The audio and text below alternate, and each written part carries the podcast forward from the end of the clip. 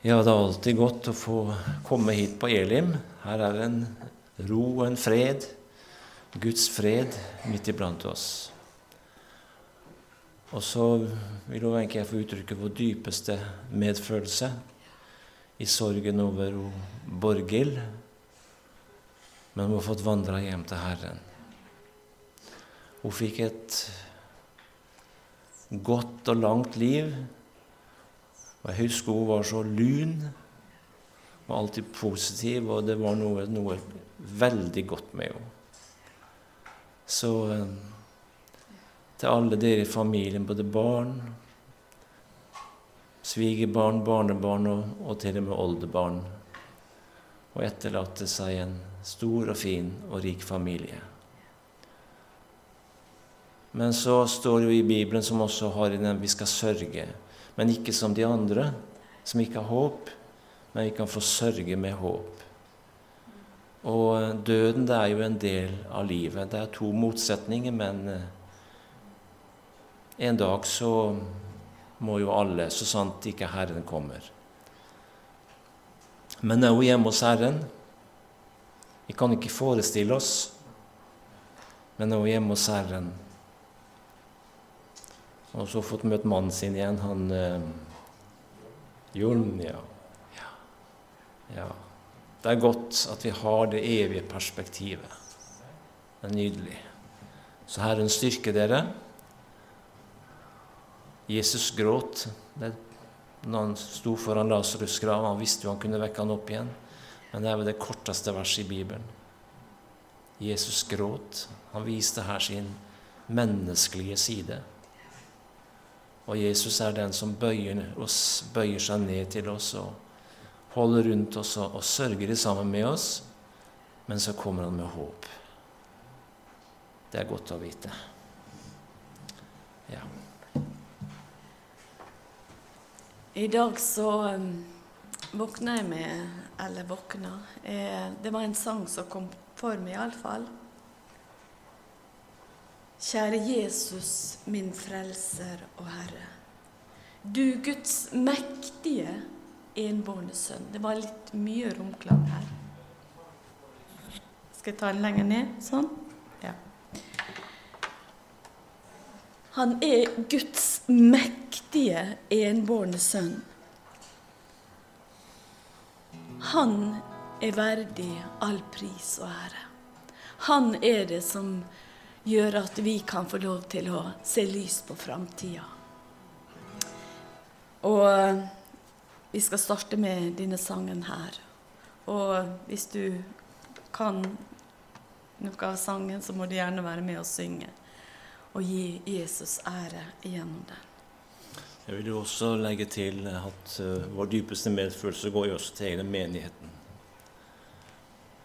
Hun var jo med i familien her, og det er, det er godt med det at eh, når døden inntreffer, så har vi en familie.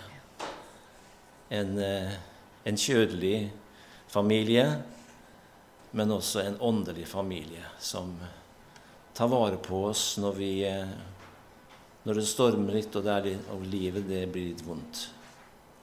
Så Herren skal styrke dere alle sammen.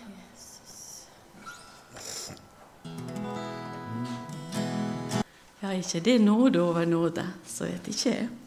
Tenk at vi skal få stå der, ren og rettferdig. Vi skal få lov til å prise Han i en evighet. Så dette livet her, det er jo bare en liten parentes imot evigheten. Så det beste ligger foran oss, dere.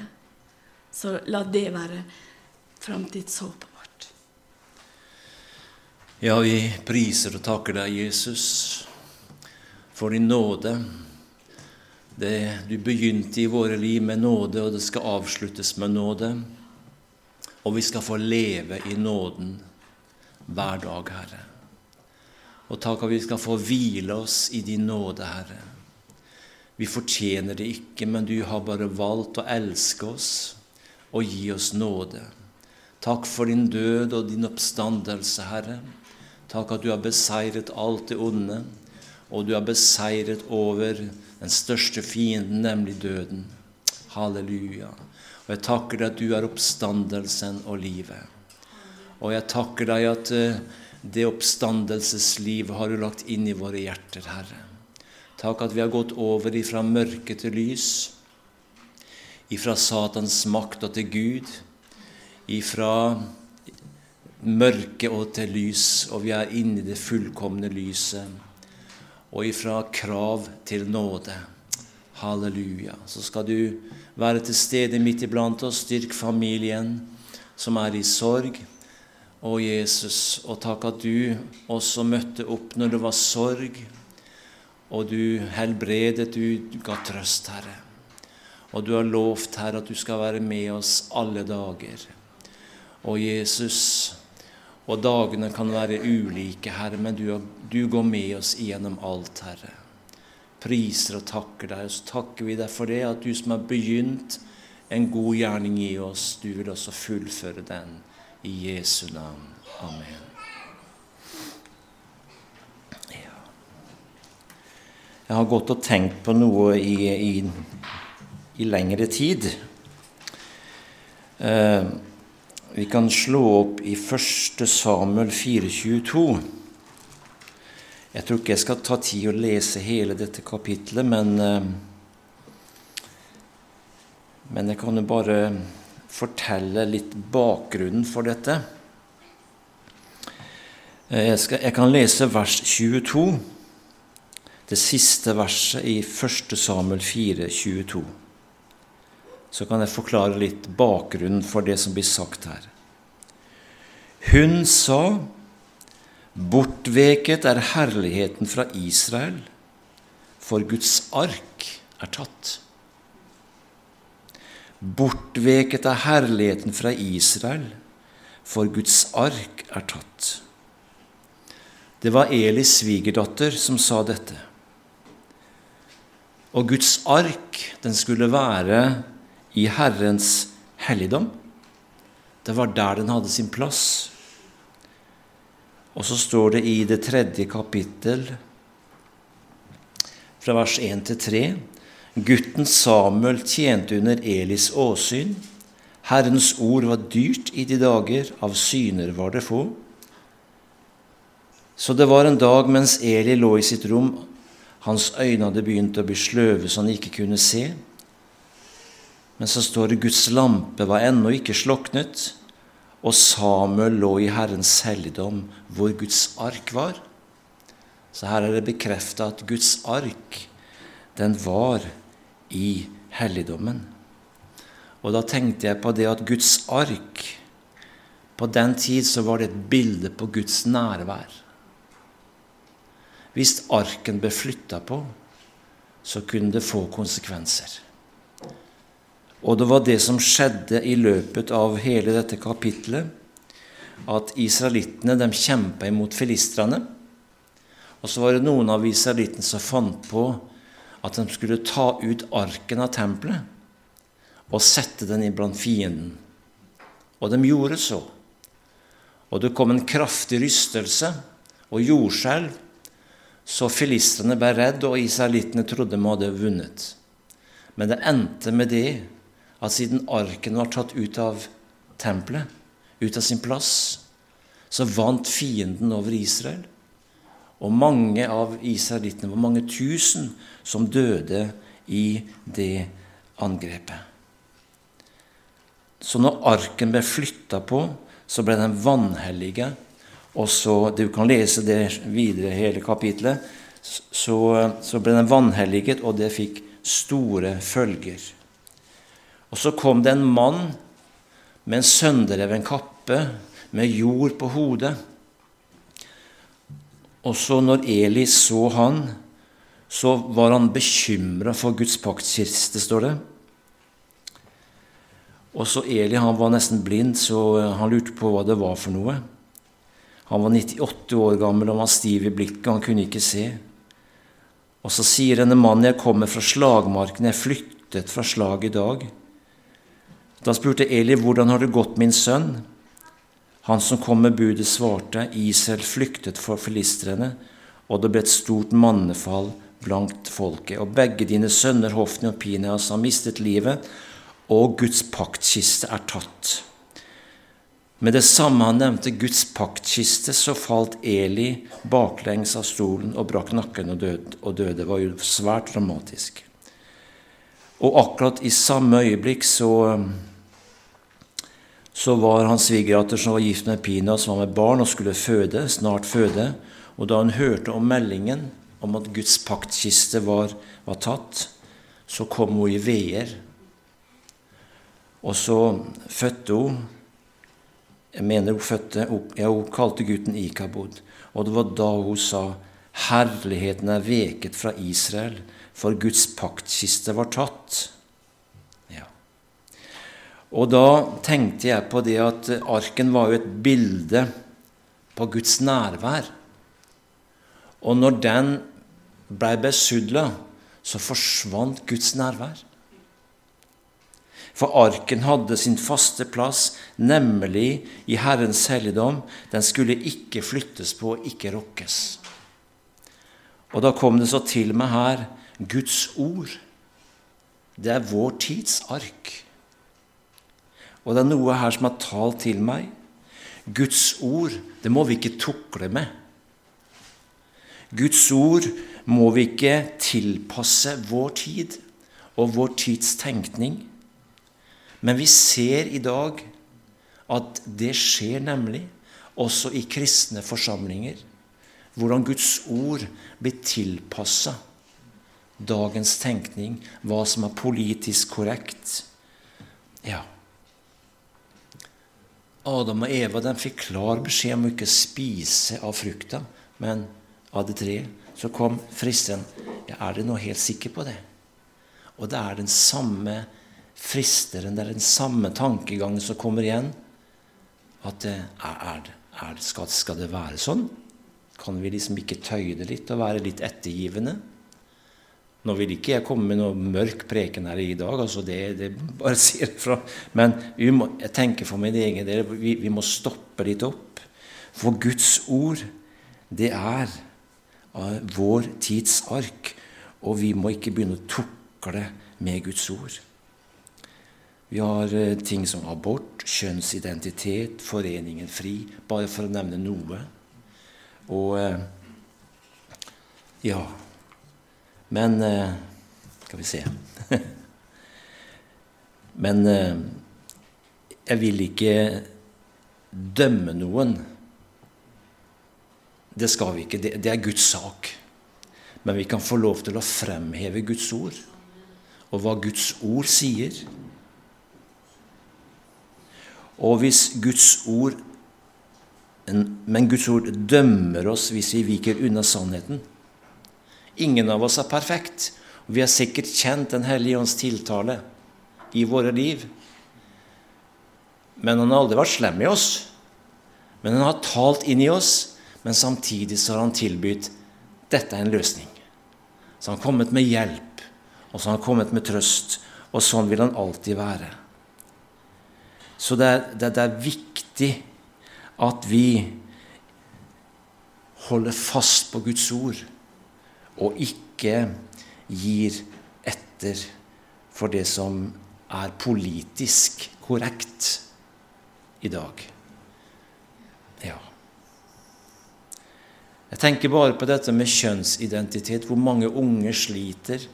Og så er det det ekstreme ordet Jeg syns det er helt forferdelig, det å være født i feil kropp. Det kan jo bryte en ungdom ned. Og da må jeg spørre hvem sin kropp har du? Du er du. Gud har skapt deg sånn som du er. Ja. Å gå rundt og føle seg som ei feilvare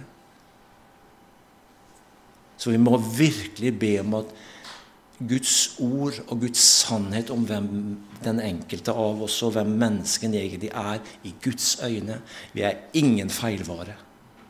Halleluja. Vi er elsket av Gud. Vi er ikke fullkomne, noen av oss. Men vi er ingen feilvare. Halleluja.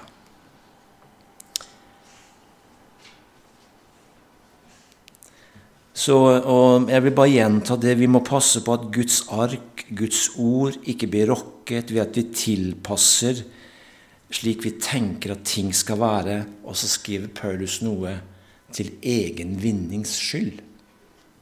Det er veldig farlig. At også det sniker seg inn i menigheter.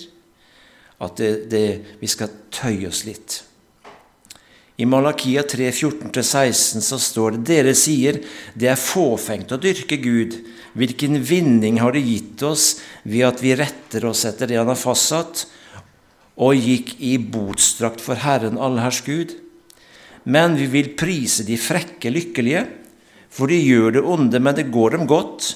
De frister Gud og slipper likevel unna. De som frykter Herren, talte da sammen, og Herren lyttet og hørte hva de sa. Hos ham ble det skrevet en minnebok om dem som frykter Herren og ærer Hans navn.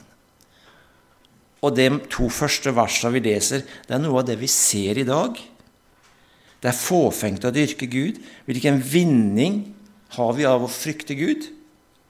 Ja. Og så vil vi prise de frekke lykkelige.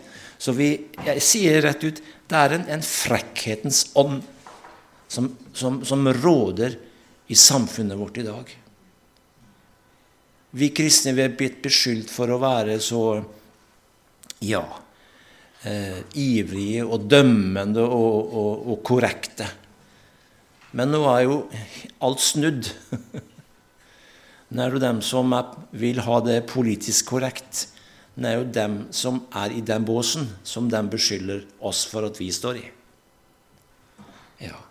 Men jeg vil bare si det til meg og til deg i dag. Hold fast på Guds ord. For i den siste tid skal det komme vanskelige dager. Men la oss oppmuntre hverandre. Jeg vil oppmuntre dere og meg sjøl i dag og styrke oss med det ordet som står tross alt i Hebreerne 4,12. For Guds ord er levende og virkekraftig og skarpere enn noe tveget sverd. Det trenger igjennom til det kløver sjel og ånd, marg og bein, og dømmer hjertets tanker og planer. Så samme hvor mye politisk korrekt ting blir, så vil Guds ord bare skjære igjennom. Halleluja. La oss bare oppgradere oss på Guds ord.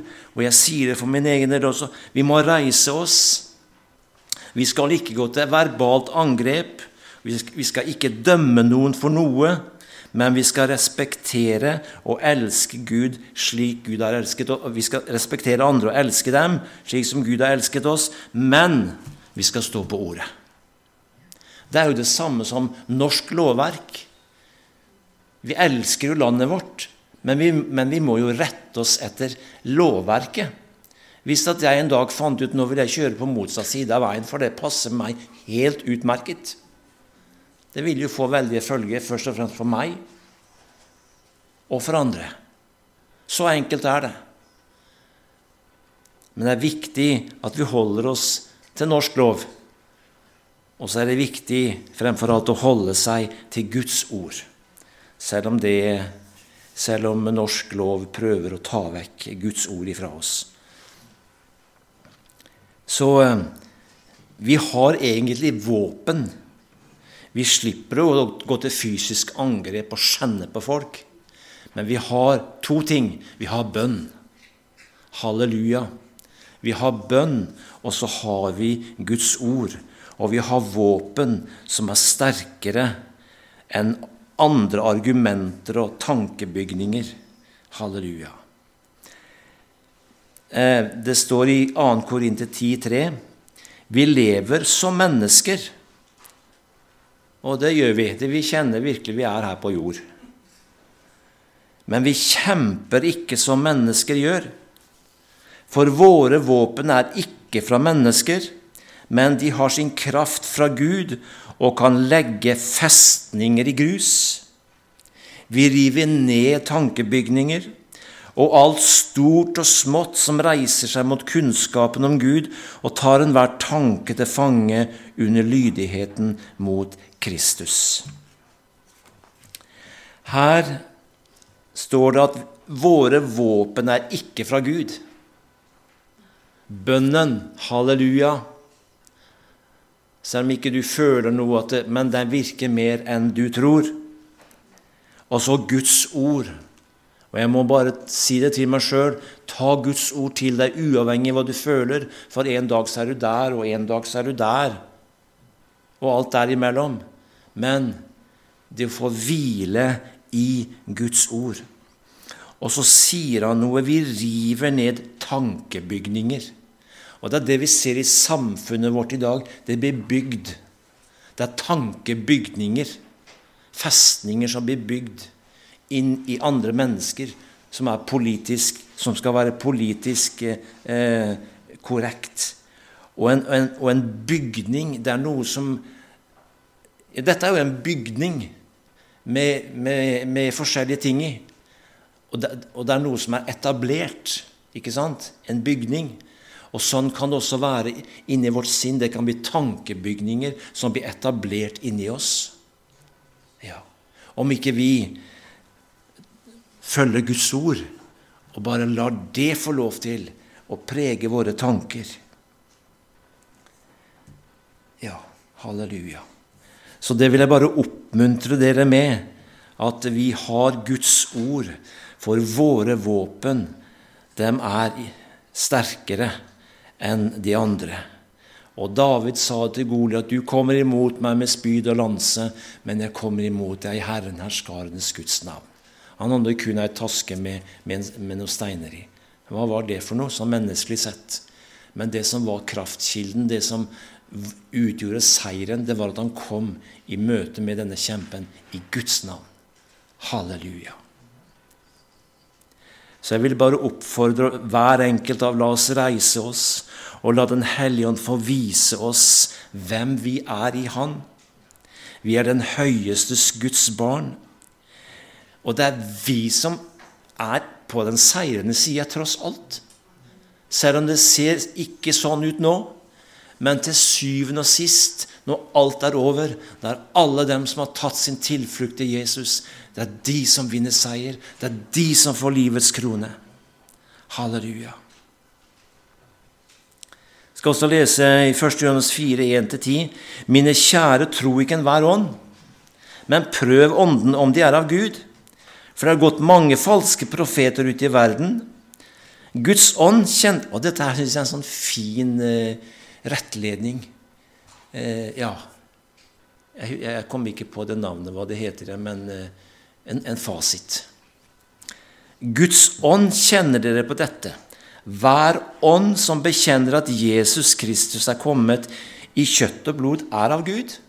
Ja, så enkelt. Men enhver ånd som ikke bekjenner Jesus, er ikke av Gud. Så enkelt. Det er, altså, det er antikristens ånd, som dere hørt skal komme, og den er allerede nå i verden. Så allerede på Paulus' tid så var antikristens ånd til stede. Mine kjære, la oss elske hverandre, for kjærligheten er fra Gud, og den som elsker, er født av Gud og kjenner Gud. Den som ikke elsker, har aldri kjent Gud, for Gud er kjærlighet.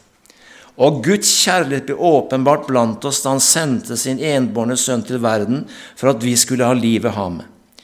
Kjærligheten er ikke at vi har elsket Gud, men at Han har elsket oss og sendt sin sønn til soning for våre synder. Vi skal ikke slå folk i, ho i, i hodet med Guds ord, men vi får lov å snakke. Vi bor i et fritt land. Vi får lov til å tale Guds ord og fremheve det og leve det ut. Halleluja. Og tenk hvilket budskap Kjærligheten er ikke at vi elsker Gud, men han har elsket oss og sendt sin sønn til soning for våre synder. Så Gud elsker alle mennesker. Han elsker kanskje ikke alt det vi gjør, men som person så elsker han oss. Og han døde for oss på korset. Så alle mennesker er egentlig elsket av Gud, men det er bare å komme og ta imot denne kjærligheten ifra Jesus. Så vi skal som sagt ikke slå Guds ord i hodet på folk, men vi skal få lov til å være frimodige og forkynne det sånn som det står skrevet. Halleluja. For Guds ord, det, det er levende og kraftig. Og så kan vi framfor alt også leve ut Guds ord. Mennesker kan se på oss også. Vi behøver ikke forkynne hele tida, men får vi anledning å snakke om Jesus, det skal vi selvfølgelig gjøre. Men våre, våre liv kan være med og forkynne om Han. Jesus var Ordet, står det. Og, han, og var det en som levde ut Ordet, så var det han. Han og Ordet var ett. Og så når Ordet blir ett med oss, så blir vi et brev. Et offentlig brev, kjent og lest av alle. Og Jeg skal bare avslutte talen min med det. Fra 2. Korinter 3, 1-3. Begynner vi nå å anbefale oss selv, eller trenger kanskje vi anbefalingsbe fra dere eller til dere som visse andre? Nei, dere er selv vårt anbefalingsbrev, skrevet i våre hjerter, kjent og lest av alle mennesker. For dere fremtrer som et Kristi brev, blitt til ved vår tjeneste. Det er ikke skrevet med blekk, men med den levende Guds ånd, ikke på tavla av stein, men i menneskets hjerter. Så tenk at vi får være brev og må, må, må mennesker få lov til å lese meg som et kjærlighetsbrev, for å si det sånn, ifra Gud. Ja. Gjennom ikke bare For vi kan si veldig mye, og så kan vi gjøre det stikk motsatte. Vi må leve opp til det vi sier. Men at vi også kan få lov til å ha Vi kan ha med oss ei atmosfære. Halleluja. Så mennesker kan kjenne her er det noe spesielt. Så jeg vil bare oppmuntre dere at uh, la Den hellige ånd fornye vårt syn på hvem vi er i Kristus. Og fremfor alt, la oss uh, ha Guds ord på sin plass. La det få lov til å stå der det skal være. Slik som arken, at den kunne ha stått der den sto. Sånn at Guds ord kan få lov til å være sånn som det står skrevet. Dere skjønner tankegangen? Ja. Så eh, det var det jeg ville dele med dere i dag. Om at Guds ark, et bilde på Guds nærvær. Og her har vi Guds nærvær. Det er, det er ikke permene og bladet som gjør Guds nærvær, men det, er, men det er det som er skrevet ned. Ja. For det som står her, det er sannheten. Det er en hele og fulle sannhet. Og dette er brødboksa vår for alt det vi trenger. Halleluja. Amen.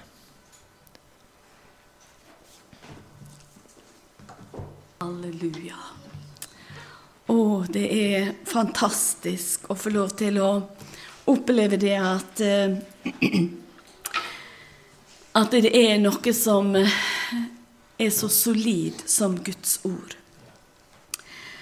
Eh, Frank han eh, avslutta her med Og jeg vil bare henge meg litt på det, det som han nevnte her på slutten her. Fordi at eh, det er så viktig i vår tid at vi på en måte Vi er her med en hensikt, dere. Ja, det er vi. Vi er her med en hensikt. Og det er at vi skal få lov til å være her i Kristi sted. Vi skal være brev som er lest og kjent av alle. Men så er det så viktig hva slags brev er vi? Vi vet at uh, i det naturlige så fins det mange forskjellige brev.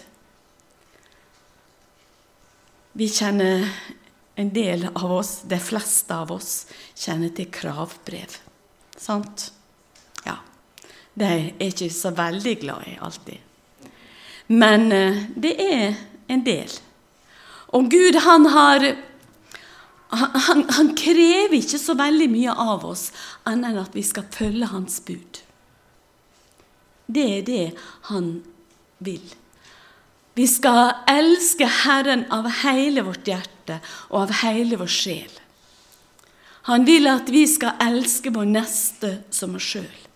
Det er, det er, egentlig de to tinga som er det viktigste av alt. At vi elsker Herren av hele vårt hjerte og av hele vår sjel. Og at vi også elsker vår neste som oss sjøl. Og mange ganger så Så eh, kanskje vi hopper over dette der, der elsker vår neste som oss sjøl. Er vi fornøyd med oss sjøl? Vi skal ikke gå rundt og skryte av oss sjøl. Men hvis ikke vi har det rette gudsbildet om hvem vi er, så kan vi heller ikke eh, være det brevet som Jesus vil at vi skal være. Fordi at vi skal se oss sjøl i Kristus Jesus. Og når vi ser oss sjøl hvem vi er i Kristus Jesus, da blir ikke vi stolt og oppblåst, men da blir vi ydmyk. For Jesus, han var ydmyk. Han var den som bøyde seg ned og ble en tjener. Og eh, jeg må si det at når jeg står her i dag og tenker tilbake på Borghild, som nå er flytta hjem til Jesus, så er hun et stort bilde på at hun var en ydmyk, stillferdig, men trofast sjel. Og um, Gud, han ser til de trofaste. Han ser til de ydmyke, for det er dem som får nåde. Og måtte Gud hjelpe oss at vi også er slik som Jesus var, og kan også følge de gode forbildene som Borghild var en av. Vi skal få lov til å ikke lytte til alle krav som er i denne verden, for det er veldig mange krav. Det er mange ting som kreves av oss i denne tida her. Både av unge, fra barna, fra manndommen og alderdommen. Det er masse, masse, masse krav. Og alle disse kravene, de gjør noe med oss. De har gjort noe med meg, de har gjort noe med det. Men jeg må si det at eh, det verste kravet å lytte til, det er ikke først og fremst alle mennesker, men det er til vår motstander, den onde. Og der er veldig, veldig mange ting han krever av oss. Og hvis vi begynner å lytte på disse kravene, og som jeg må bare innrømme at jeg kanskje har lytta til litt for mye. Og det er fordi at det ikke har fylt meg nok med dette ordet her. Og hvis dette her, her får lov til å, å, å, å, på en måte ta kontrollen, så blir vi svake. Da blir vi veldig, veldig svake. Og til mer vi lytter på anklagen som kommer med krav og bud og, og, og, og, at du er sånn og du er sånn og, og så videre og så videre, så blir vi veldig, veldig svake. Og det var forunderlig her i dag. Eh, media, det, det, er både på godt og gale. Men eh, jeg lytter ofte til eh, hver dag, egentlig, så sant eh, eh Ja det lar seg legge til rette. Så hører jeg på et ord for dagen som kommer fra Søgne misjonsmenighet. Og der har jeg fått veldig, veldig mye. Og nå her en dag så kom det en hilsen ifra han som, som har stått i vekkelsen eh, i, på, på Lindesnes. Dere på Vigeland der nede. Han heter Robertsen. Og han hadde et sterkt vitnesbyrd og som på en måte har, har satt seg litt fast i meg, og som jeg har bare lyst helt enkelt å ta frem her. Og da forteller han det at han har vært med som evangelist, sangevangelist, i mange, mange år. Siden han var helt ung. Men så var det her for Ja, det, det, dette her var på en måte noe som, som Det var noe, et vitnesbyrd som han hadde hatt i 22. I november i 22. Før vekkelsen var et faktum nå. Så hadde Gud begynt å tale til ham at han hadde mista frimodigheten. Han, han, han, var ikke så brennende som, som han hadde vært tidligere.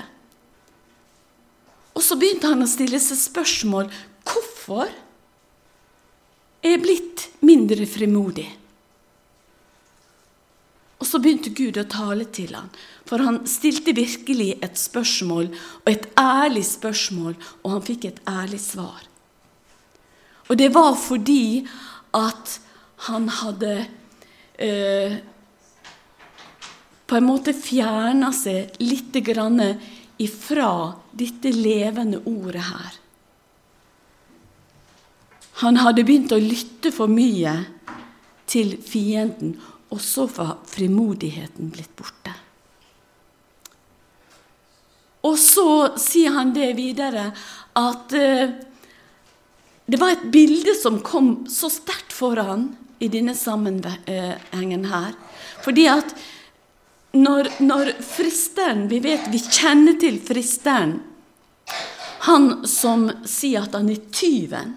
Som kommer for å stjele. Han har kun én hensikt, og det er å stjele og myrde og ødelegge. Og han vil ødelegge oss som enkeltpersoner, først og fremst. Han vil ødelegge ekteskapene, det ser vi igjen og igjen. Samfunnet det, det, det, det, på en måte det, begynner å brytes ned pga. at ikke vi følger Guds bud og Guds regler. Og så videre og så videre. Vi vet hvor, hvor den onde han prøver på alle mulige måter å komme for å stjele bort. Og så var det dette der han her eh, Robertsen sa han hadde også begynt å stjele frimodigheten. Og når tyven kommer, så kommer han veldig Han kommer ikke som, som en ø, å brytes inn, sånn som tyvene gjør i mørket i, i, i, når vi er, ø, ligger og sover, på en måte. Så kommer tyvene inn, og så stjeler de kanskje alt. Men sånn som den tyven som vi har med å gjøre, han kommer snikende. Og så plukker han litt og litt. Kanskje helt sånn umerksomt. Og sånn fortalte han at Gud han begynte å tale til han, at sånn var det var blitt i hans liv. Og så fikk han et nytt bilde, og det syns jeg var veldig, veldig, veldig talende. For, for å på en måte ikke lytte til den onde, så er det viktig at vi lever varmt og inderlig. Lever i Guds ord, som vi har hørt om her i, i formiddag, og som vi er blitt minnet om. Han sa det at eh, det er slik at når vi skal fyre opp i en ovn så eh, legger vi inn på ved, og så tenner vi opp. Men for å få varmen så åpner ikke vi opp alle dører og vinduer. Nei. Da lukker vi vinduene. Da lukker vi dørene for at ilden på en måte skal få lov til å, å, å, å komme til. Og slik er det også med når den onde han, han, på en måte prøver å komme inn i våre liv og, og gjøre oss ja, eh, fortvilt og, og, og, og mismodige og kraftesløse og alt sånn, så er det viktig at vi på en måte prøver å stenge han ute. Hvordan kan vi gjøre det? Jo, da bare tar vi et oppgjør, og så sier vi nok er nok. Og det var det som gjorde en forskjell med denne her mannen som står nå i vekkelse. Han bare bestemte seg for at nå er det slutt. Jeg vil holde meg nær til Jesus. Jeg vil holde meg i varmen, i Guds kjærlighet. Og tenk om vi kunne få lov å se nødvendigheten av å fylle oss med dette ordet her, og leve i varmen av Jesus. Da tror jeg, slik som de opplever der nede på Sørlandet, da er vekkelsen et faktum. For når vi er kjærlighetsbrev som lever i nærkontakt med Jesus, så er det vekkelse. Da, da, kan vi få lov å bli frimodig. Da kan vi få lov til å gå ut og fortelle om en stor og mektig frelser. Og vi skal få lov til å gjøre forskjell. Vi kan føle oss ringe og små. Men den kraften som bor i oss, som også Frank var inne på her, den er så mye, mye sterkere hvis vi lever der i Jesu nærhet. Og eh, jeg må si det at eh, Jesus, han er blitt enda mer kjærlig og god for meg. Vet at det står i at vi skal bevare våre hjerter. Og vi skal bevare det fremfor alt. Så vil han at vi skal bevare våre hjerter og våre tanker i Jesus Kristus. Det står eh, eh, i i ordspråket at vi skal bevare våre hjerter fremfor alt vi bevarer. For livet går ut ifra det. Altså, det livet, overflodslivet, som Jesus vil at vi skal ha Djevelen han kommer bare for å stjele, og myrde og ødelegge.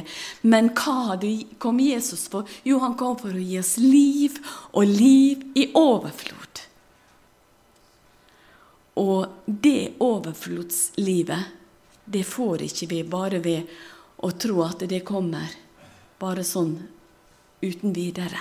Men det kommer ved at Jesus blir stor for oss. Ved at han får lov til å vise sin kjærlighet og sin omsorg for oss. Og da, når han får lov til å vise sin omsorg og sin kjærlighet overfor oss, da blir vi kjærlighetsbrev. Tenk på det. Et kjærlighetsbrev. Og er det noe verden og mennesker forstår, så er det når vi er full av Guds kjærlighet. Hvordan skal vi vinne verden? Jo, ved at vi er som Jesus var. For han hadde en, en Når vi ser hvor han vandra frem når han levde her, så ble mennesker trukket til ham. Ja. Han, han var som en magnet. Folk bare, bare for etter. Og vi ser resultatet av vekkelsen som er på Lindesnes, nede på Vigeland her, hvor det blir mer og mer og mer folk på møter. Hvor, hvor, hvor, vekkelsen bare brer seg. Ja, den er begynt å bre seg rundt omkring i, i, i landet vårt også.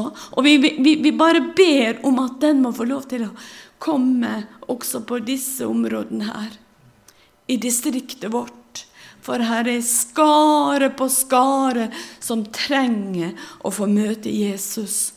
Og du og jeg, vi skal få lov å være kjærlighetsbrev. Som er med å vise at Jesus, han krever ikke. Han, han, er ikke der for å slå oss og, og, og, og kreve det umulige. Han vil bare at mennesker skal overlate seg til han. Og jeg må si det at det, der er, der er så fullt i mitt hjerte. Og hvordan har det skjedd? Jo, fordi at jeg har bare lyst til i slutten av det som jeg skal si nå her, så eh, står det noe veldig som, som eh, i høysangen. Og jeg er blitt så fascinert av mye av det som står i høysangen. For der er det en skildring av brud og brudgom. Der er det om bruden sin kjærlighet til brudgommen og til Jesu kjærlighet og brudgommens kjærlighet til bruden. Og eh, i denne forbindelsen her så, så står det her at eh, i eh, Jeg skal bare lese første delen av eh, Eh, det i kapittel 4 og i, fra vers 9. Der sier Jesus noe veldig som har berørt meg, og som har smelta meg fullstendig. Jeg har jo visst det, og jeg har erfart det, men Jesus han sier det at i den siste tid så skal kjærligheten den skal bli kald, og det ser vi i vår tid. Derfor er det viktig at vi som Guds barn vi får lov å oppleve Guds kjærlighet på nytt. At vi får tilbake vår første kjærlighet. Den som gjorde at vi var brennende i ånden. At vi var frimodige. Vi husker hvordan det var med det samme vi var frelst. Vi, vi, vi, vi, prater om Jesus hele tida. Og sånn er det i et kjærlighetsforhold også. Når, når vi er vi som har opplevd dette å bli forelska, så, så, så, er det kun vedkommende vi prater om. Og sånn skulle det være også med Jesus, at vi kommer tilbake til vår første kjærlighet til Han. At vi får lov til å se inn i dette her som, som Jesus er for oss. Og det, denne kjærligheten det er ikke bare noe sånn overfladisk. For ofte så er denne her forelskelsen den er ofte litt sånn overfladisk. Men den, denne, her, denne her ekte kjærligheten, den er så djup. Og vi synger det i en barnesang. Så høy, du kan ei gå over den. Så dyp, du kan ei gå under den. Så vid, du kan ei gå uten, utenom den. Guds kjærlighet, den er så ufattelig stor. Og så står det der da i Salomos Nei, Høysangen eh, 4 og vers 9. Du har vunnet mitt hjerte, min søster, min brud. Du har vunnet mitt hjerte, sier Jesus, sier brudgommen. Du er elska av Jesus ubetinga, det vet vi. Ubetinga, den, den, den kjærligheten som Jesus har til oss, det er ikke noe krav, men han elsker oss med en evig kjærlighet. Og han elsker ikke oss på grunn av, men på tross av. Og det er så godt å vite.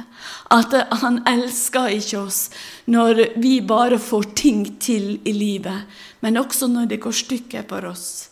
Når vi kjenner at vi blir svake, når vi kjenner det at vi blir kraftesløse, så er vi elska uansett.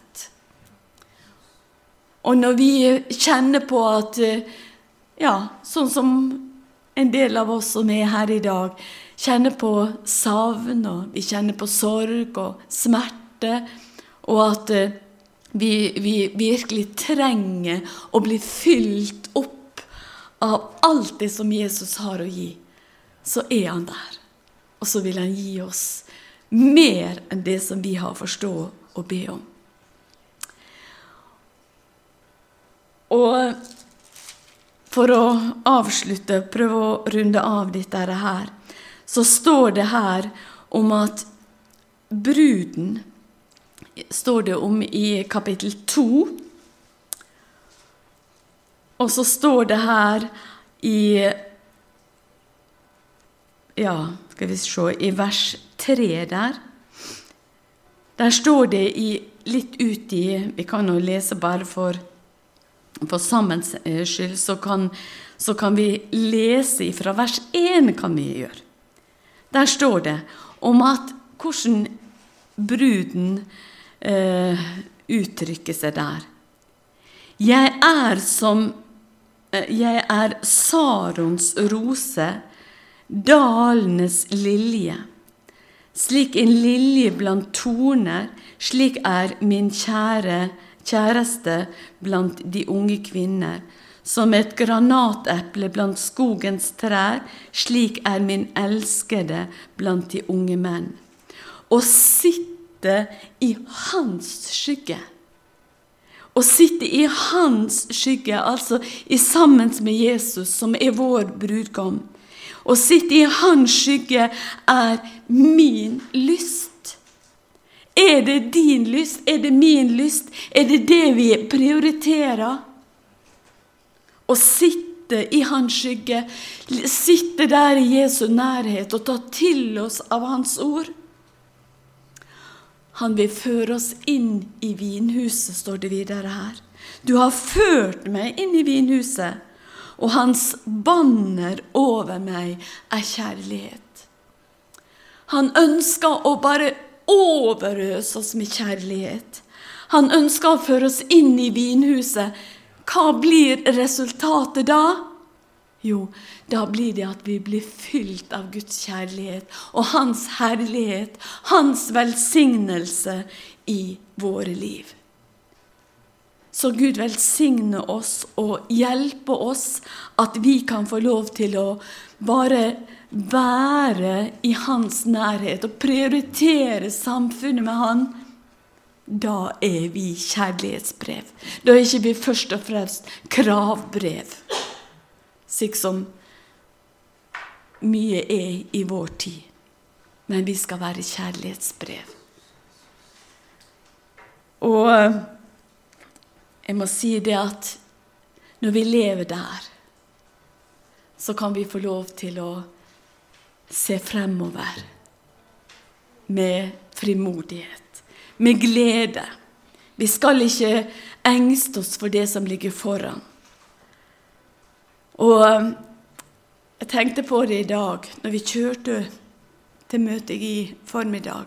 Så tenkte jeg på, på Borghild. Det, det, det, er bare sånn helt naturlig. Fordi at vi er en stor familie. Og jeg tenker på at nå har hun fullført den gode strid. Hun hadde mange strider i sitt liv. Du har hatt dine, jeg har hatt mine. Men vi skal fullføre dere. Vi skal, vi, vi, vi skal, stride den gode strid, og det skal vi ikke gjøre i egen kraft. Men Jesus, han vil være med oss. Og så skal vi fullføre. Han som begynte en god gjerning i oss, han vil fullføre. Og så skal vi nå målet. Nå har hun Borghild nådd målet. Vi er underveis enda. Vi, vi, vi, vi, bare går videre. Og så vil Han gi oss kraft og styrke og hjelp til å fullføre. Gud velsigne dere og styrke dere, og spesielt dere som familie. Så ber jeg om at Hans fred, som overgår all forstand, han skal bevare hjertet og tankene og bare være rundt dere på alle sider, over og under, ved siden av og ikke minst i dere.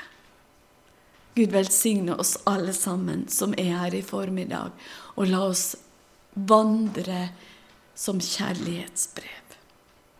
Amen.